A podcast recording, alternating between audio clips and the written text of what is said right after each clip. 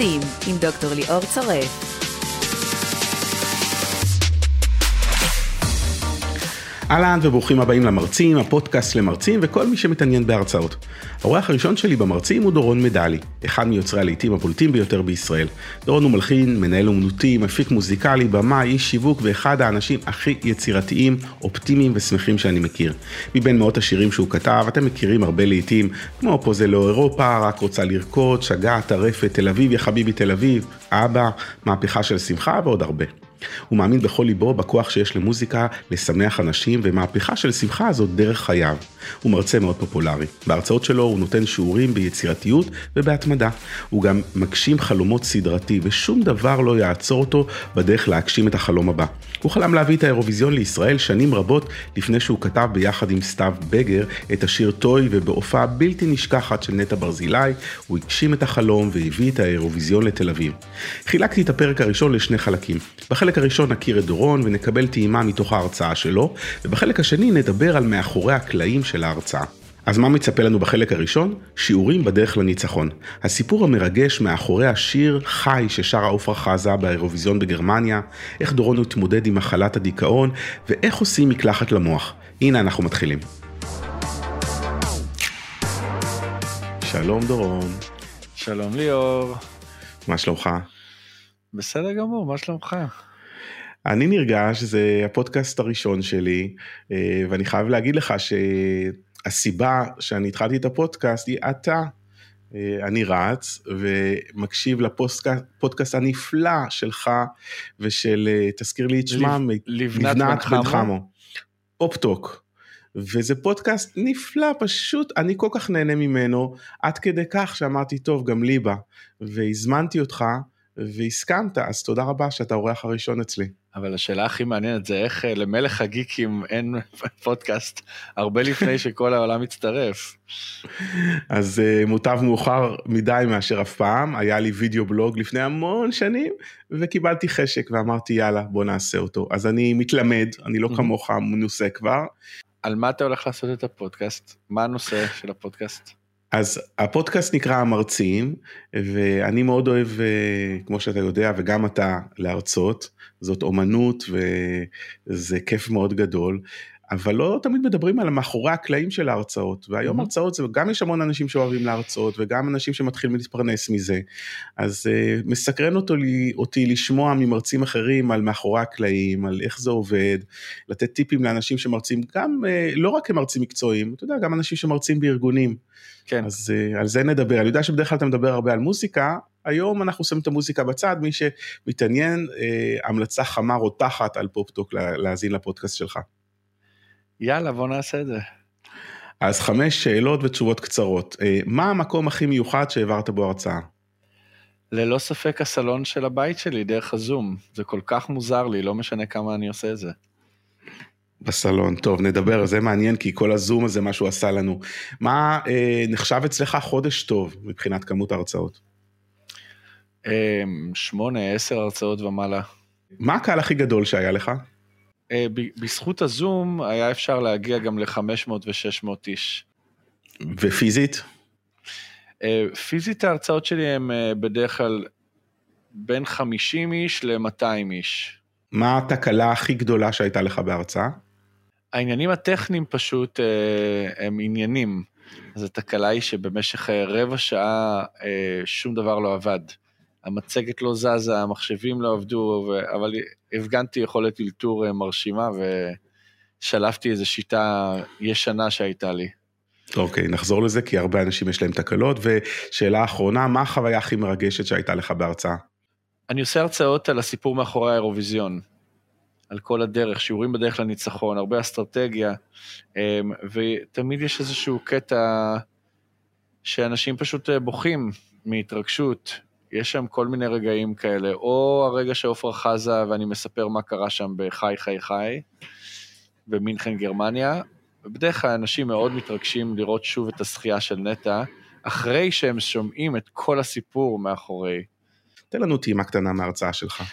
אני מספר בהרצאה שלי בעצם אה, שיעורים שלמדנו בדרך כמשלחת ישראל אה, אני אישית הייתי שש פעמים אה, במשלחת ישראל לאירוויזיון, שש פעמים הייתי הבמאי של השיר הישראלי, ושלוש פעמים זה גם היה שירים שכתבתי, ובפעם השישית באמת ניצחנו עם נטע ברזילי, אז במשך עשור הייתי שם, זה הרבה מאוד למידה, ולגופים עסקיים אה, זה מאוד מעניין, כי הם לא מדמיינים שמישהו מאחורי האירוע הזה באמת עובד כמו שעובדים מאחורי סטארט-אפ, או כמו שעובדים מאחורי השקה של מותג חדש, או כמו שעובדים מאחורי מעבר של מותג מעולם ישן לעולם חדש. וזה מה שהיינו, ישראל הייתה מותג מאוד מצליח באירוויזיון הישן, זכינו פעמיים ברציפות, הבני בי והללויה, זכינו פעמיים מקום שני ברציפות עם הורה וחי, היינו סופרסטארים. ואז אמ, כשהגיע העולם החדש, ישראל איבדה כוח בשנות האלפיים, אמ, מלבד איזו הבלחה מדהימה של שירי מימון. ובמשך ארבע שנים לא עלינו לגמר, מ-2011 עד 2014, ואני, זה מאוד מאוד תסכל אותי ברמה האישית, ויצאתי למסע, ולמדתי המון מהמתחרים. נהייתי אובססיבי למתחרים, בראשם המתחרים משוודיה. למדתי מהם כל מה שאפשר לעשות כדי לנצח, ואז עשיתי מחקר דאטה אה, על כל מה שישראל עשתה כדי לנצח פעם, ערבבתי את הכל, חברנו לכוכב אה, הבא, הפכנו את זה לכוכב הבא לאירוויזיון, ויצאנו למסע דרך גולדנבוי שפרץ את הדרך ועד הניצחון של נטע, והאירוויזיון שהיה בישראל. זה כזה תמצית כל הסיפור.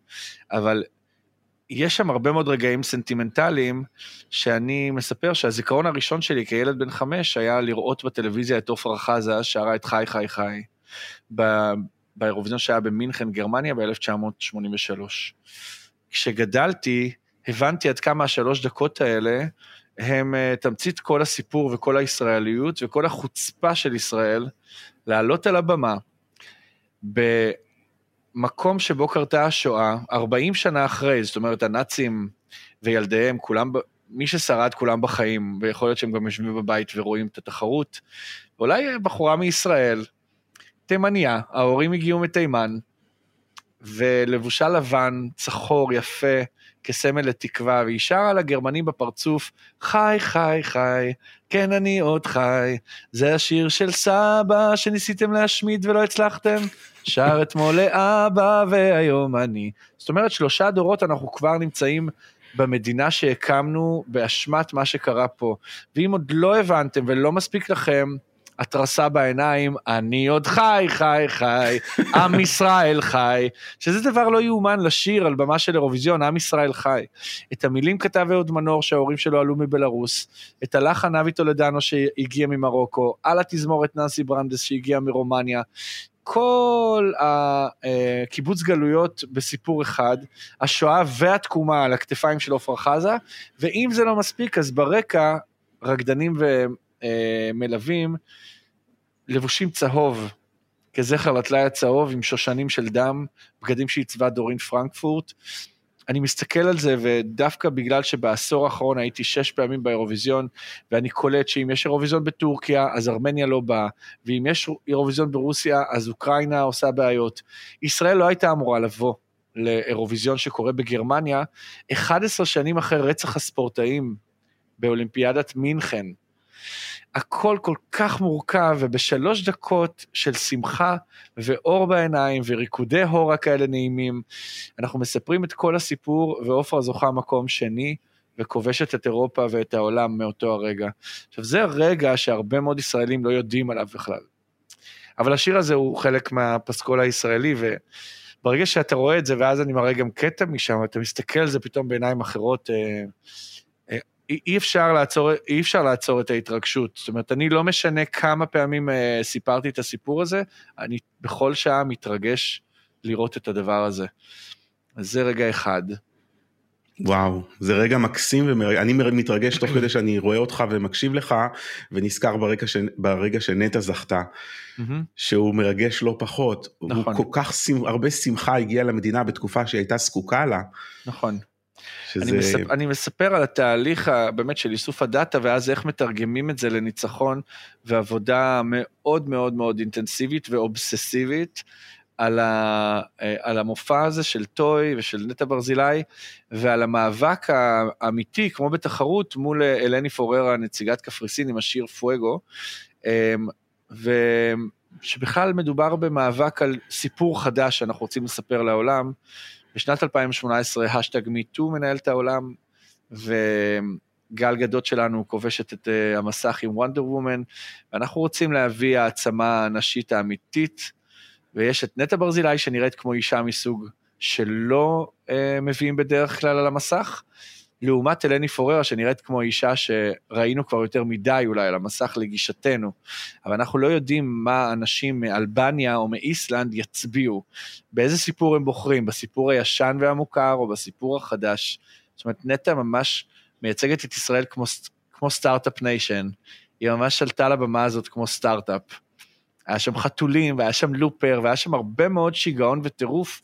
שלא קרו במקרה, זאת אומרת, אתה מספר בהרצאה איך הכל מתוכנן, זה הכל, הכל מתוכנן, מחושב. הכל מתוכנן ומחושב, לספר סיפור חדש, אמ, להבין שאתה עושה משהו מצוין, ושכולם מאוד אוהבים אותך, ואתה רוצה להיות בלתי נשכח, רצינו ניצחון אדיר, לא ניצחון על חודו של קול. אלא ניצחון עם הפרש אדיר, רצינו לעשות אימפקט. ונטע מעצם הקיום שלה היא עשתה אימפקט, מהרגע שהיא יצאה לעולם, היא כבר מתחילה לעשות אימפקט. קודם כל על הילדים, זה תמיד מגיע דרך הילדים וזה אימפקט מאוד חיובי, כי הם ישמרו את זה לכל החיים שלהם. ואז זה מגיע לנשים ולהומואים ולסביות ולטרנסים, ובסוף זה גם מגיע לגברים הסטרייטים, אה, וזה כובש את כולם.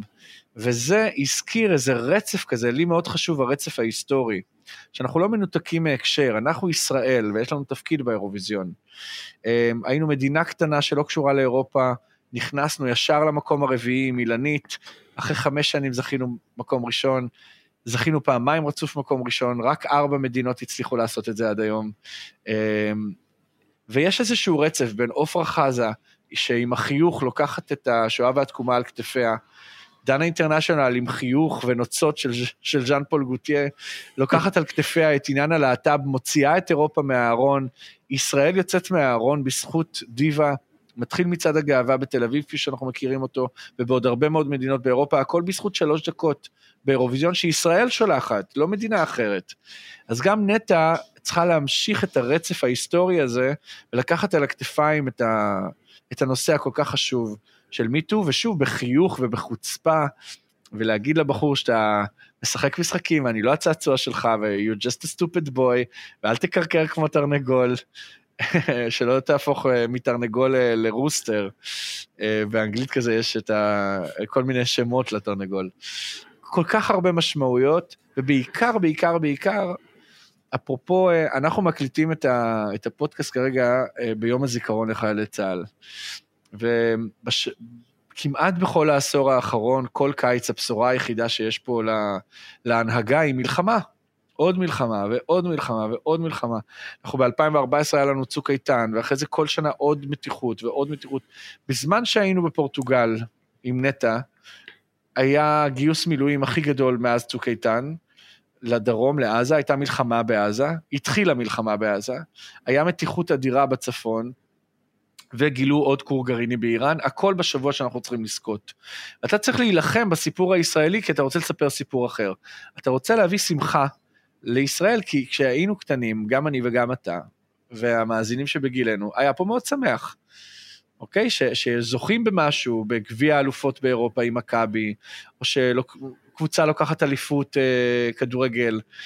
היה פה שמח, אפשר לייצר שמחה דרך אירועי תרבות וספורט. כמו שקורה עם המדליות אה, הזהובות בשנים האחרונות.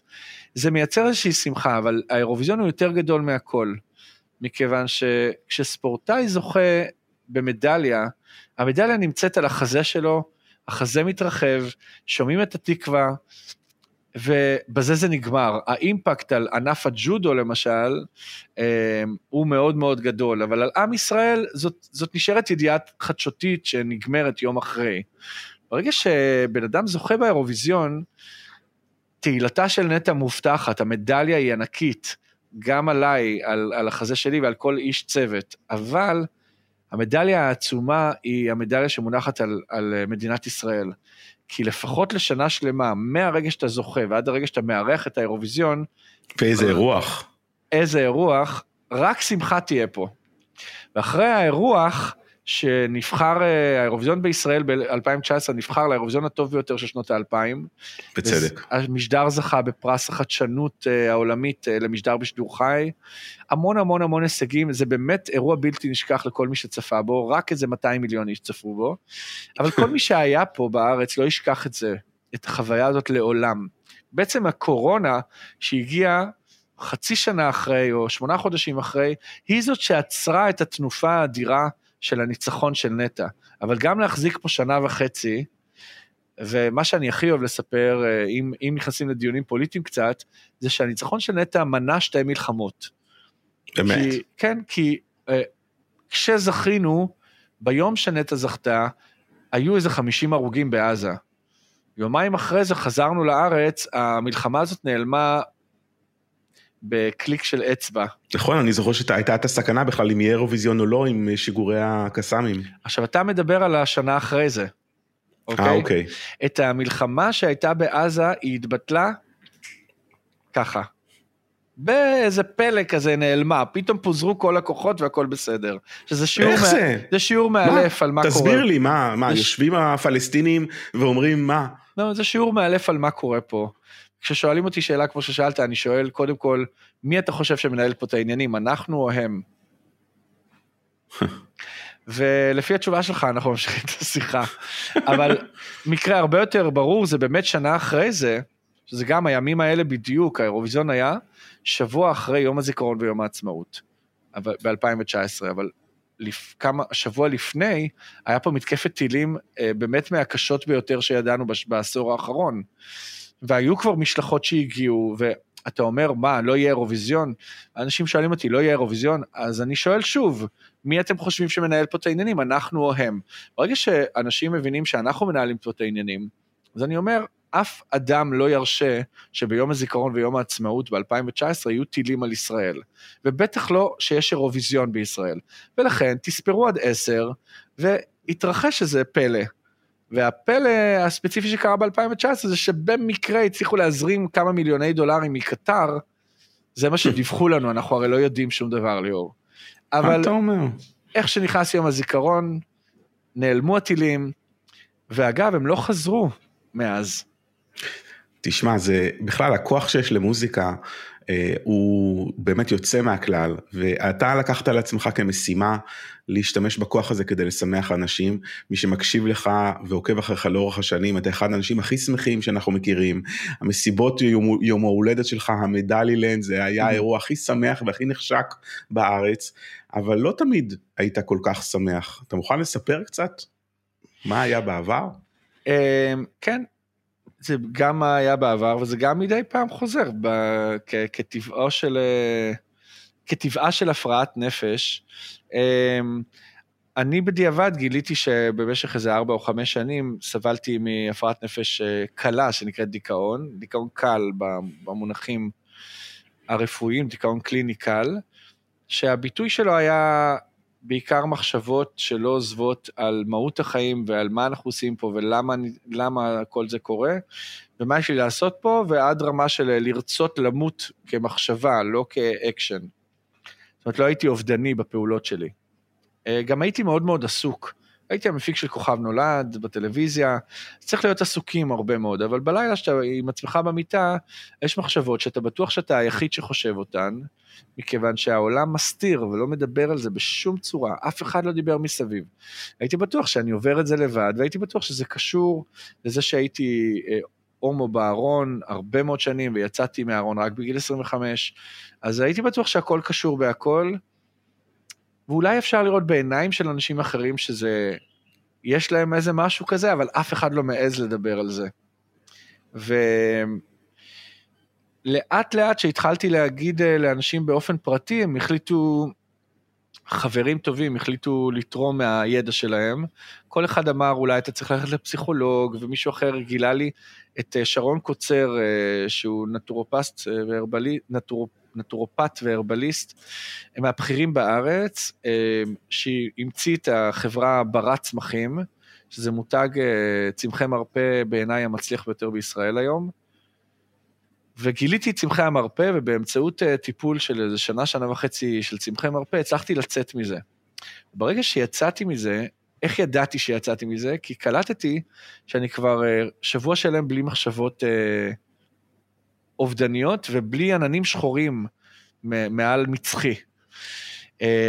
כשאתה קם בבוקר, היום שאני ממש מומחה לעניינים וגם מלמד איך, איך מזיזים עננים אה, אפורים ושחורים, אבל יש את הדבר הזה שאתה קם בבוקר, כולך מעורבב מהחלומות ומהלילה, אנחנו לא קמים כמו בפרסומות אה, של טמפונים שהאישה מתעוררת אה, פייפייה, זה לא קורה. ממש לא.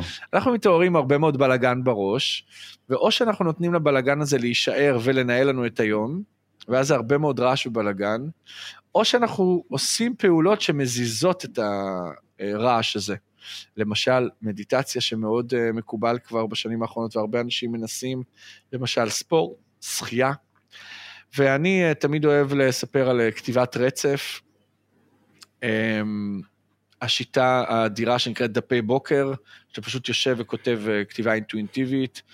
אה, השיטה שהמציאה ג'וליה קמרון, גרושתו של מה זה, תסביר קצת, אני מכיר את השיטה שבאה ואומרת בכל בוקר לכתוב מה היה טוב אתמול, מה אתה מצפה לו היום, אבל 아, אה. זה נשמע קצת אחרת. נכון, לפני שמגיעים למשהו שהוא מכוון מטרה, צריך קודם כל לעשות מקלחת למוח.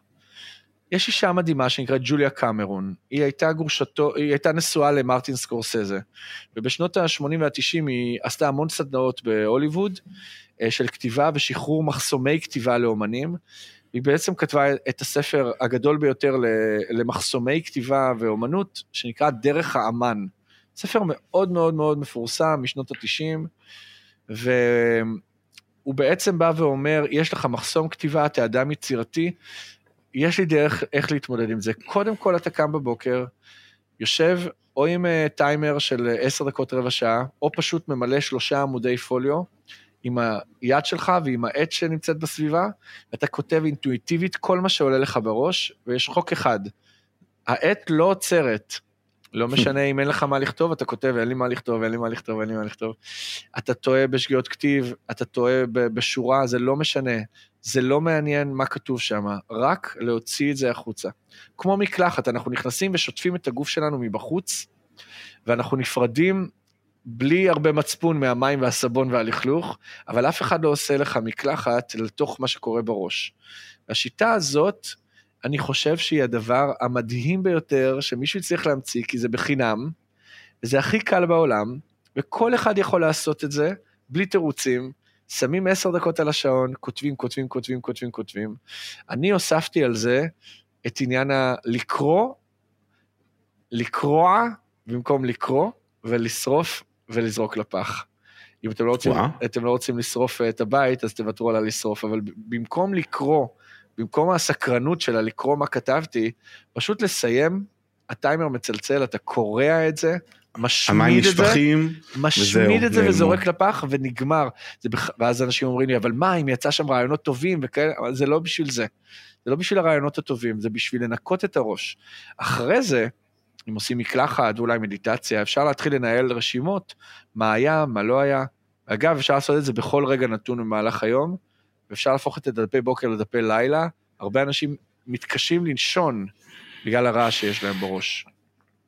אה, דורון, אה, קודם כל זה שאתה, זה רעיון נפלא ואני קיבלתי חשק לנסות, אבל בעיקר האומץ שלך, הכנות שלך, האותנטיות לספר בצורה כל כך אה, טבעית את אותם שנים הלא פשוטות שעברת, אני בטוח שזה משהו שנותן גם הרבה מאוד כוח לאחרים, וכמו שאמרת, אנשים לפעמים מתביישים בזה, ופתאום הנה מגיע מישהו אז, כמוך אז ומספר. ש... מה שקרה בשנת הקורונה זה שהבנתי שצריך לחזור ולספר את זה בקול נכון. רם.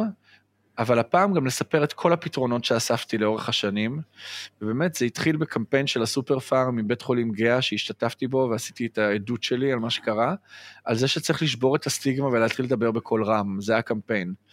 וניצלתי את הפוקוס שקיבלתי אה, לפוסט בפייסבוק שהגיע אולי לרבע מיליון איש, שזה פוסט מטורף שאתה יודע, אני זכיתי באירוויזיון ושום דבר מזה לא מתקרב אה, כפוסט דיגיטלי, וירטואלי, אבל באמת עשיתי רשימה של יותר מ-20 דרכים שאספתי לאורך השנים, אה, שצריכים להכיר אותם. ויכול להיות שאני גם אעשה מזה סרט אה, דוקומנטרי, רק כדי שיהיה את האופציה, כי אני משתגע מזה שעברו 15 שנה ועדיין אנשים חווים חוויות כאלה ובטוחים שהם לבד בעולם.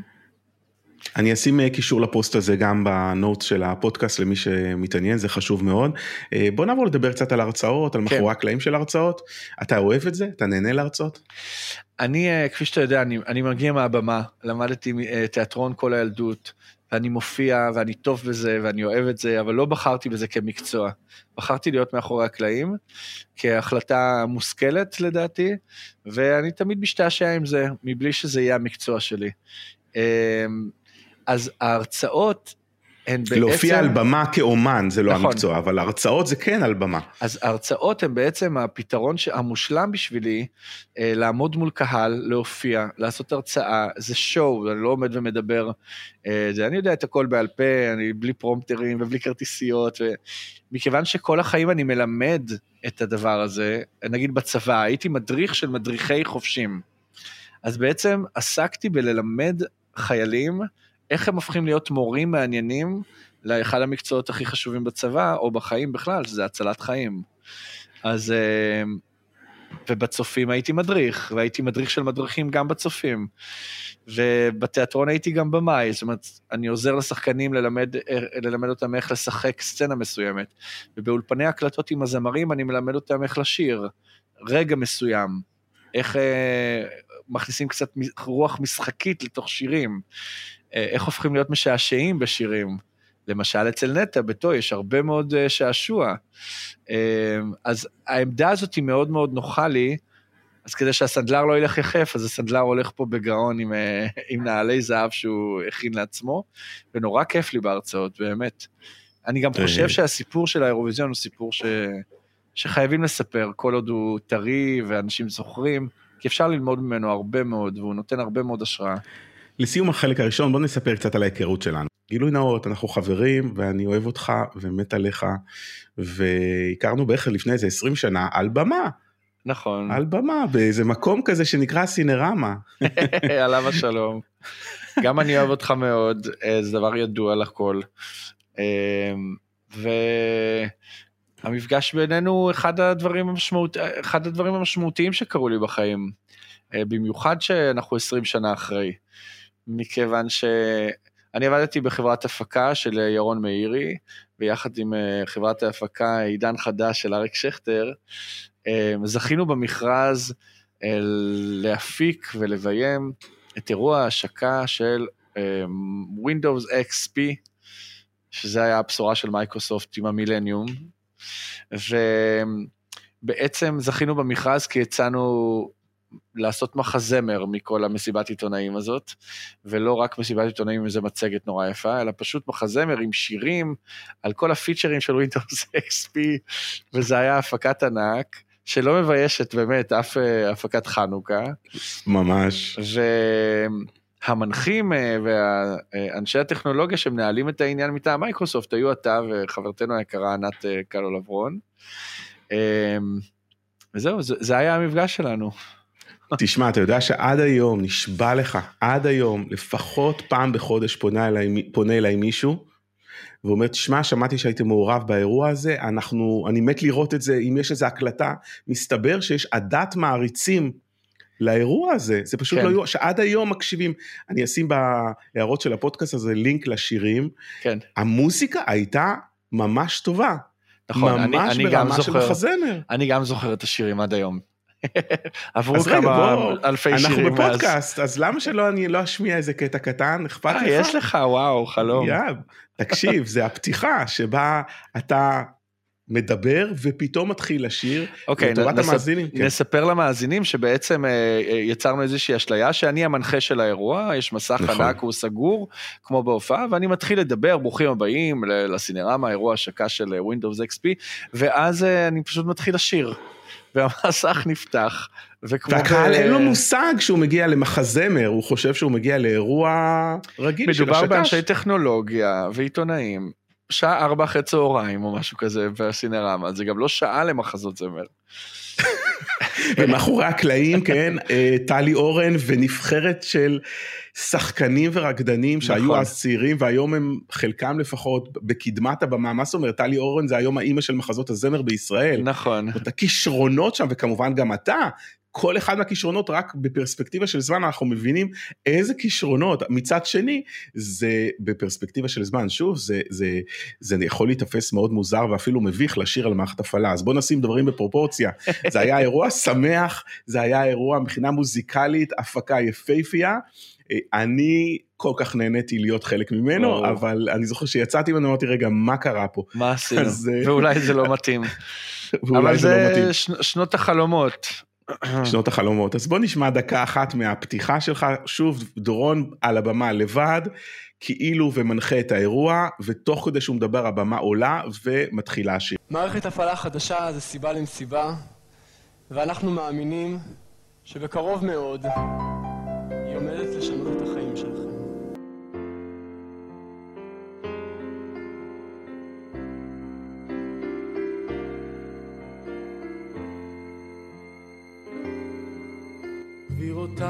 ורבותיי, התרווחו בכיסאות הערב כאן אצלנו. הכל יכול לקרות, התחברו ושימו לב, הקסם כבר מתחיל.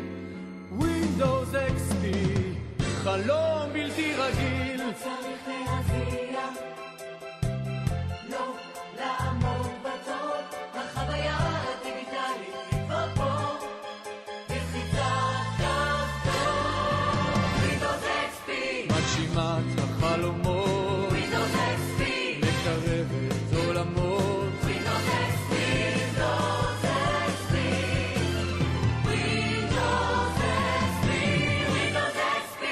החוויה כבר מתחילה. עולם חדש נגלה.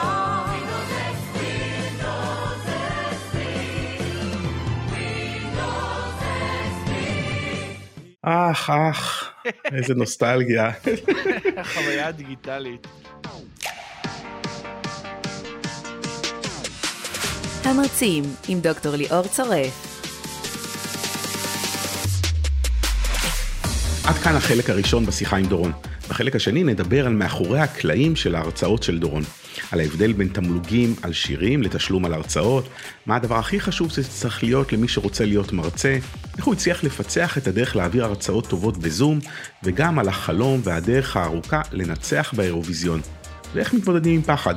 אם נהניתם אתם מוזמנים לעקוב אחרי המרצים בכל אפליקציות הפודקאסטים, לשתף ולספר לחברים. להתראות.